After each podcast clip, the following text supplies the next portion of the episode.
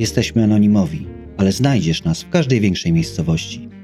Pochodzimy z różnych środowisk, połączyło nas jednak wspólna choroba.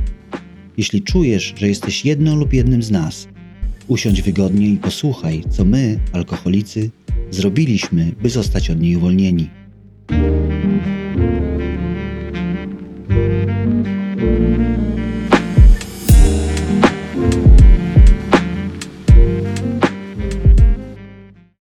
Witam dzisiaj serdecznie na kolejnym odcinku naszych e, podcastów. Naszym, moim gościem jest dzisiaj pan dr e, Bogdan Woronowicz, absolwent Wydziału Ogólnolekarskiego Akademii Medycznej w Warszawie i studium podyplomowego profilaktyki społecznej i resocjalizacji przy Uniwersytecie Warszawskim.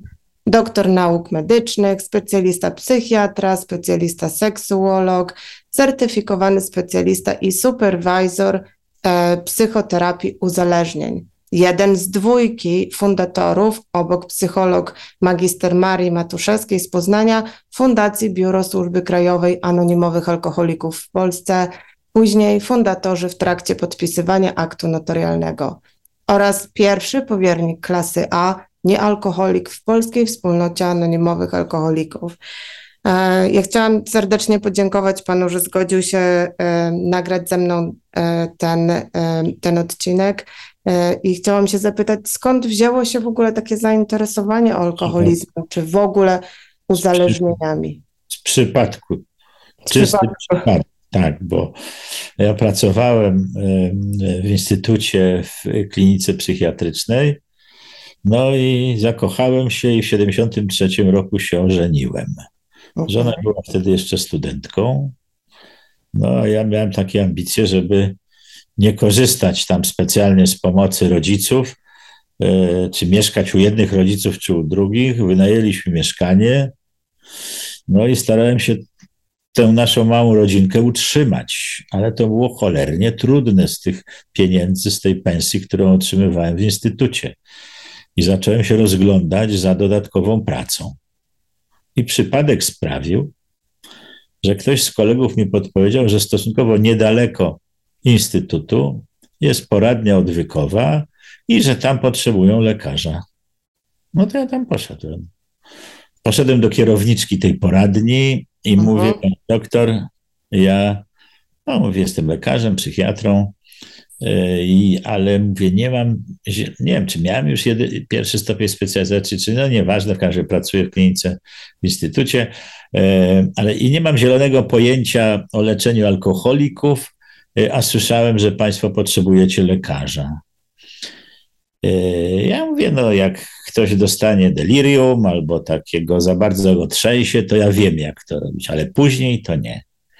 Ona mówi mi, kolego, dobrze. Mówi, to pan zobaczy, jak ja to robię, Mhm. i pan przyjmował pacjentów. No i umówiliśmy się na któryś tam kolejny dzień.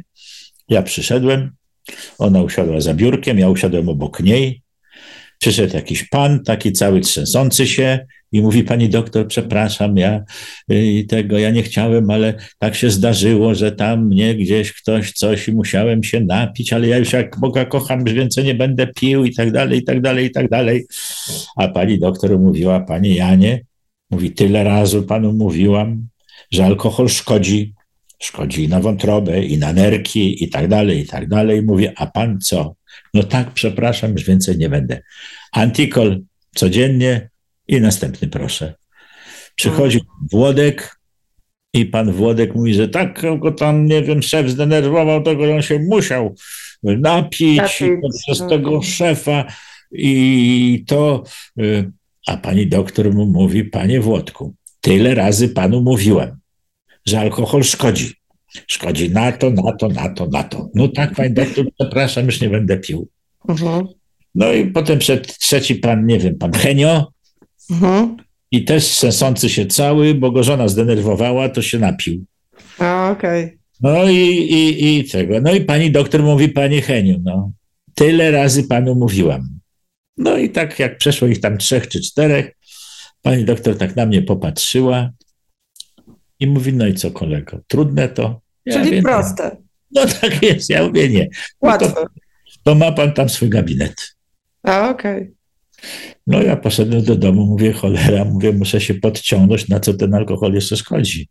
Tam coś widziałem, ale mówię tak, żeby poważnie do tego po, podejść. No i poszedłem tam, przewertowałem książki tam za dwa czy za trzy dni, ja, czyli dostałem swój gabinet. No jak do mnie przyszli, to ja ich leczyłem, tak jak mi pani doktor pokazała.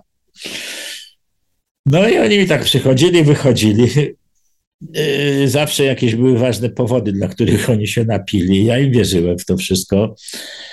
Yy, No, ale w pewnym momencie, jak to zobaczyłem takie obrotowe drzwi, że oni wchodzą, wychodzą i tak dalej, to zacząłem powątpiewać w ogóle w sens swojej pracy. Ale na szczęście tam, nie wiem, jeden czy drugi się pojawił, który ten antykol uczciwie przyjmował i Mhm. z żoną czy z dzieckiem, tacy uśmiechnięci, zadowoleni, no to mówię, no to jakiś sukces już jest. O. No, ale jakoś tak mi to wszystko nie pasowało, bo pomyślałem sobie, jeżeli leczenie ma polegać na tym, że ja ich straszę, a oni później tak się przestają bać i nie słuchają mnie. Najgorsze to, że oni mnie nie słuchali. Bo jak normalnemu człowiekowi się powie, panie, jak, że to szkodzi, to pan tego nie robi. No to Mhm. powinien zrobić, nie? A oni sobie olewali to, co ja im z całego serca, tą całą wiedzę i mądrość przekazywałem. O. No i byłem już taki trochę no, zdegustowany tą swoją pracą, no i zacząłem się zastanawiać, co tu zrobić, żeby to zaczęło nabierać jakiegoś sensu. Tym bardziej, że widziałem, że y, poprzez ten antikol tam jakieś dwie czy trzy osoby y, gdzieś tam przestały y, pić. Później to było gdzieś koło w 75 roku otworzyliśmy w instytucie, ja jeszcze wtedy w klinice psychiatrycznej pracowałem, dzienny oddział odwykowy. I ja tych, co po niektórych swoich pacjentów na ten dzienny oddział wysyłałem i, i niektórzy z nich przestawali pić. I wyczaiłem takiego jednego, który już nie pił trzy lata i ja go w końcu pytam, mówię, Panie Ryszardzie, mówię, co pan robi, kurczę, bo to wszyscy dookoła piją, a pan nie pije. A on mówi, panie doktorze, ja stosuję trening autogenny, mówi, i medytację. Ja mówię, no to świetny sposób. Ja mówię, a co by to było, gdybyśmy tak się umówili, że obaj z panem byśmy taką grupę terapeutyczną zrobili w poradni dla tych moich pacjentów. On mówi, dobrze. No to mówię, wie pan co, to mówię, niech pan napisze taki konspekt, co będziemy robili. Ja zobaczę, tam może coś będzie jeszcze trzeba dopełnić, do, dojaśnić i spróbujemy to. No i to był tak gdzieś koniec lat 70., 79 czy coś, także myśmy tak już byli, on mi przynosił te swoje materiały, ja to przeglądałem i właściwie byliśmy przygotowani już do tego, żeby zacząć taką grupę. I I wtedy taką nie, grupę, taką grupę wsparcia, gdzie on dzieli się gdzie tym, on się, robi, tak jest. I to tym, co jemu pomaga w zachowaniu już tych trzech, trzyletniej y, chyba. No tak, bo jak on był w 75, to oddział się zaczął i on tam przyszedł, to on w Mhm. 79 już był po trzech latach, do mnie się zgłosił, to było cztery lata mniej więcej i on nie pił. E, No i jak byliśmy gotowi, to mówię, palec Boży albo siła wyższa, jak, jak to woli. Przyszło zaproszenie do Poznania. Tak, wtedy pojechaliście na ten pierwszy. Pojechaliśmy tam i Mhm. mówię, patrzę, a tam jacyś ludzie mówią bezwstydnie o sobie, że są alkoholikami, co mi się nie udawało. I, i jak prosiłem moich pacjentów na grupie, żeby powiedzieli, że są alkoholikami, i sobie wtedy pomyślałem, mówię, cholera, przecież nie będę wyważał drugi raz już drzwi, które są otwarte.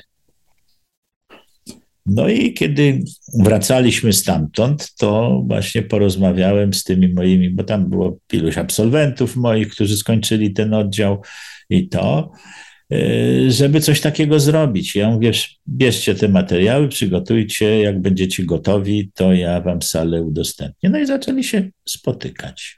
Ja na pierwsze spotkanie poszedłem, potem musiałem, to też cały cyrk był, bo oddział był dziennym oddziałem.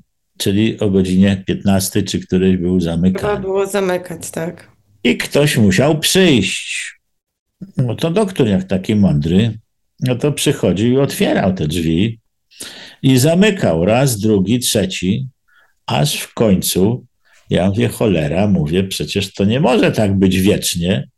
Ja przecież nie będę to, bo ja y, wychodziłem tam o trzeciej z pracy i na piątą wracałem z powrotem. do- Powrotem, tak. No tak, otworzyć drzwi. Mhm. tak jest. Zamknąć, otworzyć i tyle. I nie mieliście do nich zaufania, tak? Że mogą sami sobie. Nie, no wtedy jeszcze nie, ale znaczy nie, wtedy jeszcze nie było takiego pomysłu, no. A, okej. Ale wtedy sobie pomyślałem, że właściwie tam jest takich trzech facetów, którym ja przecież mogę zaufać, bo oni już jakiś czas nie piją. Widzę, że przyzwoite chłopaki czy faceci. I poszedłem do e, portiera, dałem mu kartkę z trzema nazwiskami i mówię, panie, bo oni najpierw się w piątki spotykali chyba. Ja mówię, jeżeli w piątek przed 17 przyjdzie ten, ten albo ten, to można mu wydać klucz od oddziału. Na oddziale nikogo nie było. Wszystko było dostępne, łącznie z dokumentacją pacjentów, nie wiem, magnetowidem i czort wie co. No i ja im to dałem. Za jakiś czas moi koledzy lekarze dowiedzieli się, że ja udostępniam, profesor mój nie wiedział o tym, ale że ja udostępniam y, ten swój oddział y, raz w tygodniu po południu. No i mówią, no to ty się doigrasz. Mówi, kiedyś przyjdziesz, bo przecież alkoholik to złodziej, nie? I tam nic nie zastaniesz. Z tego co wiem, to do dzisiaj nic nie ukradli, a upłynęło już sporo, ponad 40 lat od tego No, czasu. to, to naprawdę sporo czasu. A chciałam się zapytać, czy jak e, w tym momencie, kiedy zaczął Pan tą pracę nie? i robił Pan to, co mówiła ta Pani doktor, która, która Pana uczyła, jak ich leczyć, czy oprócz Pana, czy ktoś jeszcze zastanawiał się nad tymi ludźmi, dlaczego oni nie wracają, dlaczego oni nie, Ja nie wiem. czy... się zastanawiali. Nie wiem, nie wiem. Nie wiem. Ja szedłem swoją drogą, bo ja tak na dobrą sprawę nie miałem od kogo się uczyć. A, czyli nie było jeszcze takiej wiedzy o alkoholizmie? Nie było tego typu terapii żadnych. No. To były terapie takie, gdzie była tak zwana ergoterapia, czyli zamykali pacjentów, a potem wszywali mesperal i wypuszczali, a w międzyczasie kazali im pracować. A w poradni to było nagminne to, że najpierw się zaczynało od y, antykolu raz dziennie, raz, raz y, codziennie. Y, do tego, ponieważ y, wiadomo, że alkoholik kombinuje dobrze, to żeby y, nie wypluł tego, to był. y, Były anty- tabletki, czy to było coś do picia? to były tabletki, Okej. chwileczkę, wrzucone do szklanki z wodą, A, Okej. tam ona się roz tego i to trzeba było wypić i pokazać pielęgniarce. A, okej. Nie ma tak, no, bo jak kazali połykać te tabletki, połykać i zapijać, to zostawiało się. buzi A to pod- sobie chowali, tak? A oczywiście, że tak. No i wtedy wymyślono coś takiego. No. Czyli przychodzili teoretycznie po pomoc, a jak ją otrzymywali, to oni jeszcze... przy, przychodzili pod jakąś presją zawsze. Zawsze. To tak na dobrą sprawę to nie wiem, to rodzina, jakaś presja rodziny czy kogoś, bo, bo, bo to mało było takich osób, które zobaczyły, że coś złego się dzieje, chociaż też i takie były. No. mhm. Ma, zna Pan bardzo dobrze anonimowych alkoholików i nasz program, No, e, nasze kroki. no. E, czy nie kłóci się to na przykład z Pana pracą? E, taki, czy to nie są takie trochę jakby jakieś gusła, które my stosujemy, czyli że musimy napisać listę wdzięczności, że musimy napisać nasze wady charakteru, znaczy musimy powiedzieć, jest, ale ten program to on prowadzi w tym samym kierunku, co właściwa psychoterapia. mhm, gdzie można te objawy choroby zatrzymać czy wyeliminować metodami psychologicznymi, a nie przy pomocy leków. E, Takie porównania były robione, że to są bardzo podobne drogi, jeśli chodzi o pracę nad sobą. Bo jak się mówi o inwenturze czy coś, no to też człowiek musi się zastanowić nad swoimi wadami i zaletami, prawda? Jak się tam w kolejnym kroku każe zrobić zadośćuczynienie, e, no to przecież wiadomo, że jeżeli ktoś, e, no nie wiem, przejdzie program psychoterapeutyczny, zrozumie, co na wywijał, zrozumie, ile szkód, ile krzywd wyrządził, to po to, żeby mieć czyste sumienie i móc spokojnie spać, a nie mieć z tyłu głowy, co to ja tam nawywijałem i, i, i złego zrobiłem, no to trzeba zadośćuczynić, trzeba przeprosić. No więc o to chodzi. No. To są bardzo, dla mnie to są y, sprawy, które się uzupełniają i dla mnie taką najlepszą, to co ja robię ze swoimi pacjentami, no zresztą teraz to razem z córką to robimy, e, to najpierw pokazujemy pewne rzeczy pacjentowi, a jak już przejdzie cały taki podstawowy program psychoterapii uzależnień e, i nie wymaga jeszcze jakiejś takiej dodatkowej obróbki psychologicznej, to w ramach tego programu jest obowiązek pójścia na meeting, My pokazujemy tę metodę czy ten sposób, nawet okresowo robimy dodatkowe zajęcia z osobą, która z autopsji zna program AA i oni się spotykają co tydzień. E, no to coś na, na podobnej zasadzie jak ze sponsorem, ale to jest grupka osób i oni się tego programu uczą, a później jak u nas skończą, to każdemu sugeruję, żeby sobie znalazł sponsora bądź sponsorkę i jeszcze raz ten program przyzwoicie Zrobił. zrobił, żeby ugruntować to, co się u nas zaczęło. I koniec. I ci, którzy idą tą drogą, to, to są no, do przodu. No. Czyli mają większe szanse na wyzdrowienie albo przynajmniej na utrzymanie dłuższego okresu abstynencji. Nie, no w ogóle mają e, szansę na to, żeby mieć prawo czuć się zdrowym przez kolejne e, lata i żeby pozbyć się tych różnych e, obciążeń, takich, które gdzieś tam na duszy człowieka leżą, czy w głowie mu powstają. Dzięki, bo ja uważam, że to jest niezwykle ważny krok mówiący o zadośćuczynieniu, nie? To dziewiątka chyba jest. Nie? Tak, to jest krok dziewiąty w naszym no. programie, tak. No. No.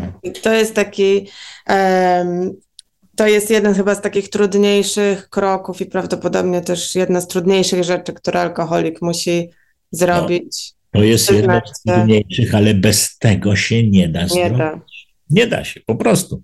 Bo jeżeli ja żyję ciągle z poczuciem winy, tak. Jeżeli ja nie ponaprawiałem tego, co jest złe, zła, które wyrządziłem, a wiadomo, że każdy pijący nieświadomie, ale też czynił właśnie dużo zła, no to trudno później jest żyć w takim spokoju i z pogodą ducha, nie?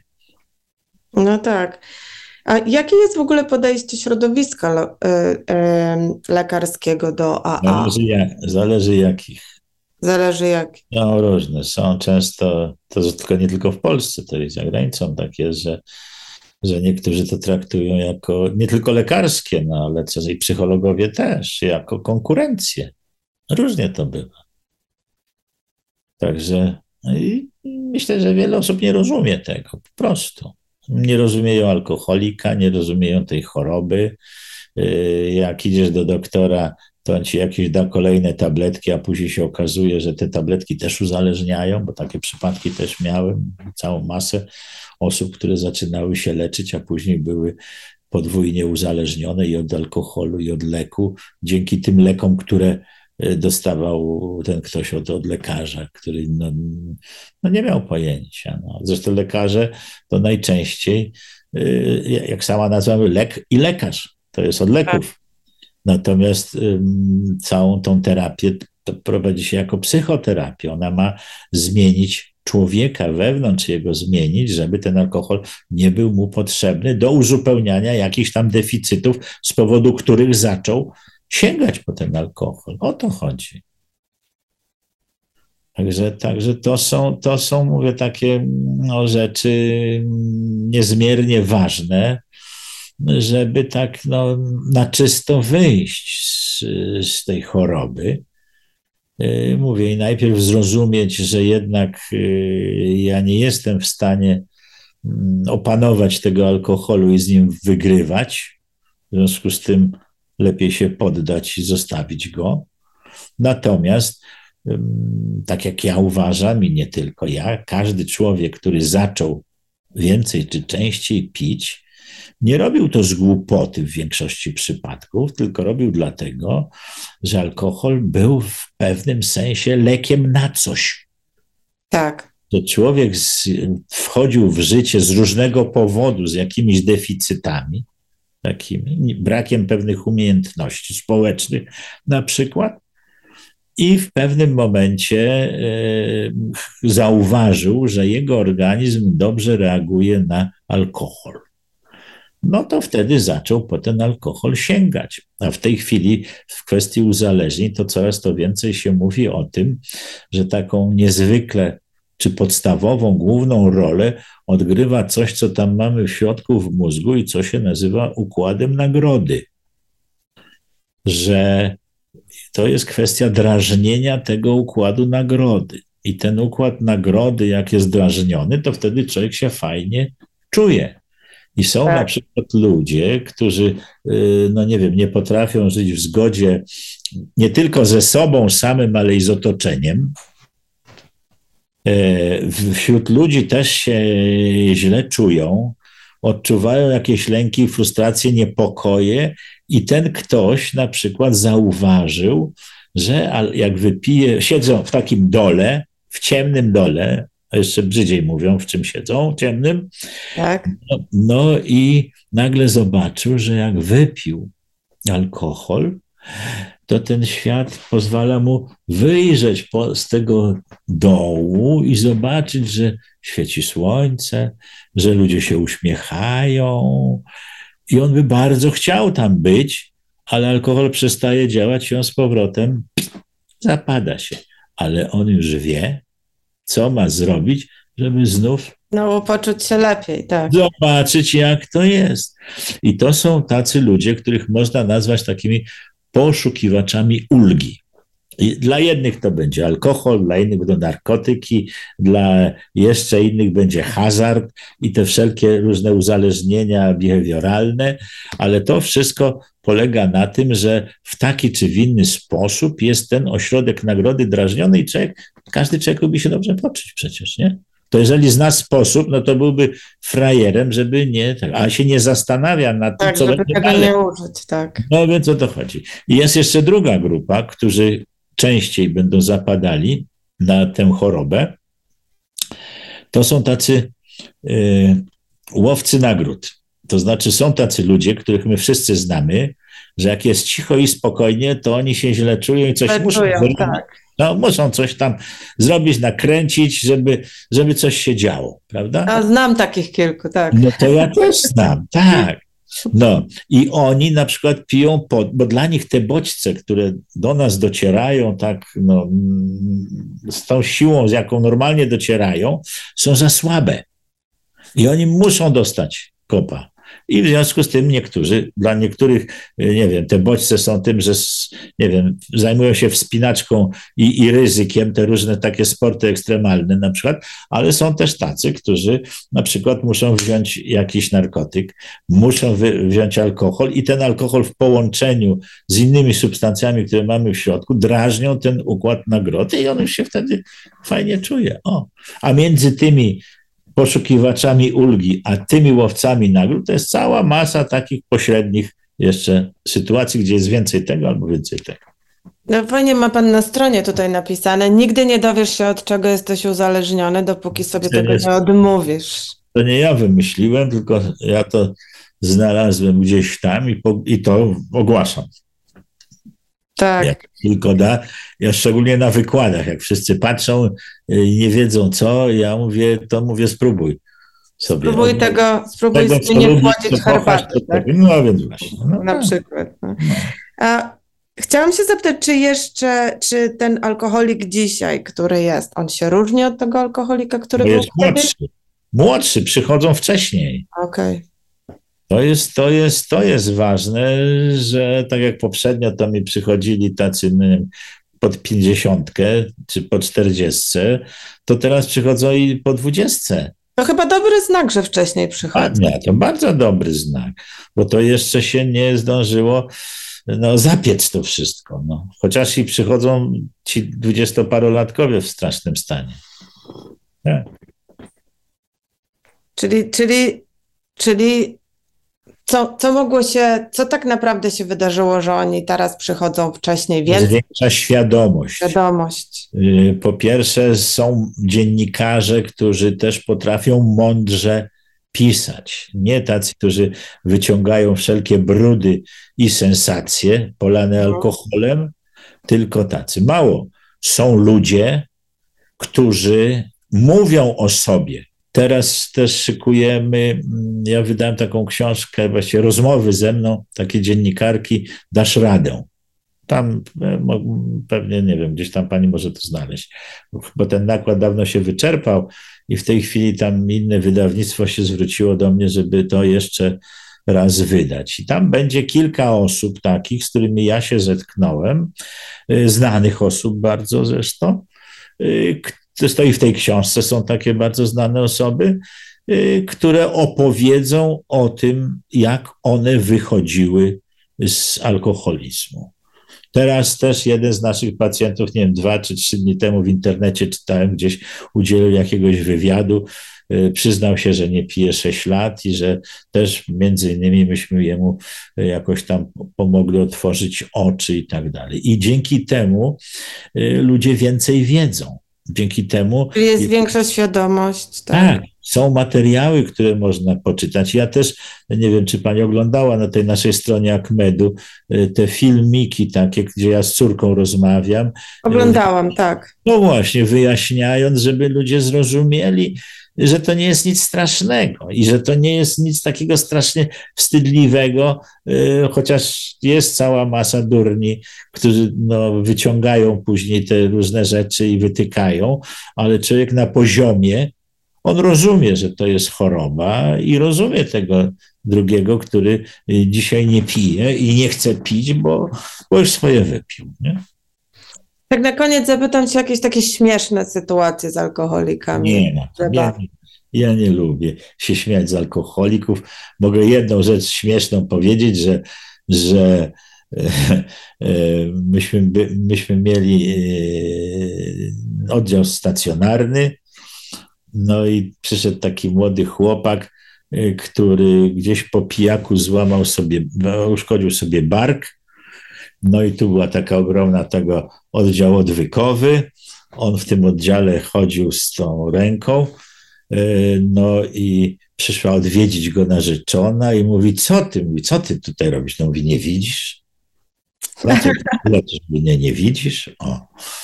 No, Złamał sobie rękę, tak. no, tak, no tak. No, odwykowym. Nie wiem, ja takich dykteryjek znam pełno, ale to chyba nie chodzi o to, żeby to, no, no, przed, to, to, co potrafią wymyślać alkoholicy dla, e, nie wiem, ukrycia swojego picia i jeszcze tych rzeczy, które przy tej okazji dzieją, to, to nikt tak nie potrafi. No. Ja, jesteś, jesteśmy kreatywni. a oj, to super. Można się od was uczyć manipulowania ludźmi na przykład. Mhm. Jak tu kręcić, jak tu tego, uchronić się. Ale to jest to super mistrzowie. Ja, ja z, z dużym szacunkiem na to patrzę i co mogę, to łykam, żeby może mi się kiedyś w życiu przydać. No.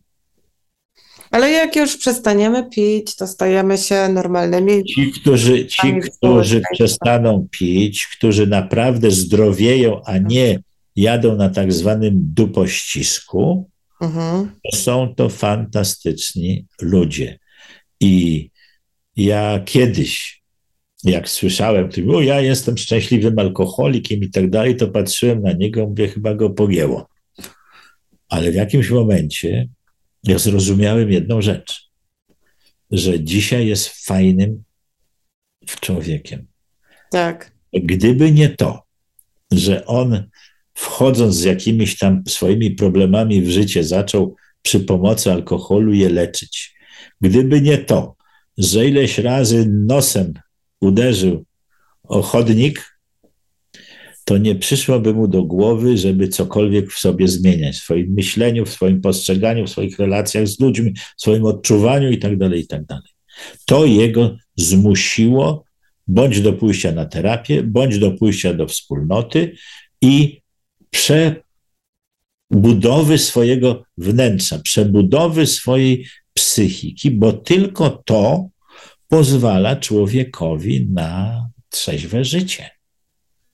I dzisiaj, wie pani, to y, takie przykłady ja przed laty słyszałem, gdzie przychodzi w Stanach y, dwóch facetów. Jeden skończył, y, nie wiem, Harvarda, drugi tam jeszcze jakiś inny y, ważny uniwersytet. Jeden ma takie kwalifikacje, drugi ma takie same i tak dalej, i tak dalej. Praktycznie są, mają tym samym wiek to samo. I kiedy zbiera się ich rozmowy od nich, i jeden z nich mówi, że od, nie wiem, od trzech lat jest we wspólnocie, a to kogo przyjmują do roboty? Kogo? No nie wiem, w Stanach pewnie tego, co powiedział, że jest WA, tak. Tak jest, tak jest, dlatego że wiadomo, kto to jest. A ten drugi, taki święty, dobry, to nigdy nie wiadomo, co to będzie. Ja też, jakbym miał przyjmować i ktoś by mi coś takiego powiedział, o Janka jeszcze swoim okiem go prześwietlił, oczywiście, i podpy- da, zadał parę pytań, bo takie, gdzie, gdzie bym się dowiedział, czy, czy on nie pije na, do pościsku, czy on po prostu pije, y, czy po prostu trzeźwieje. nie? Tak. Także to, to mówię, ja znałem iluś fantastycznych ludzi z niektórymi, którzy byli dziesiątki lat temu moimi pacjentami. Jestem w jakiejś tam formie za, zaprzyjaźniony, zakolegowany, także są świetni ludzie. No. Dobrze, dziękuję ślicznie. E, mam nadzieję, że uda mi się porozmawiać z pana córką w następnym odcinku. no dobrze, a co mam jej powiedzieć? Że chciała pani z nią pogadać? Tak, proszę. No, powiem, zapytam. Dziękuję.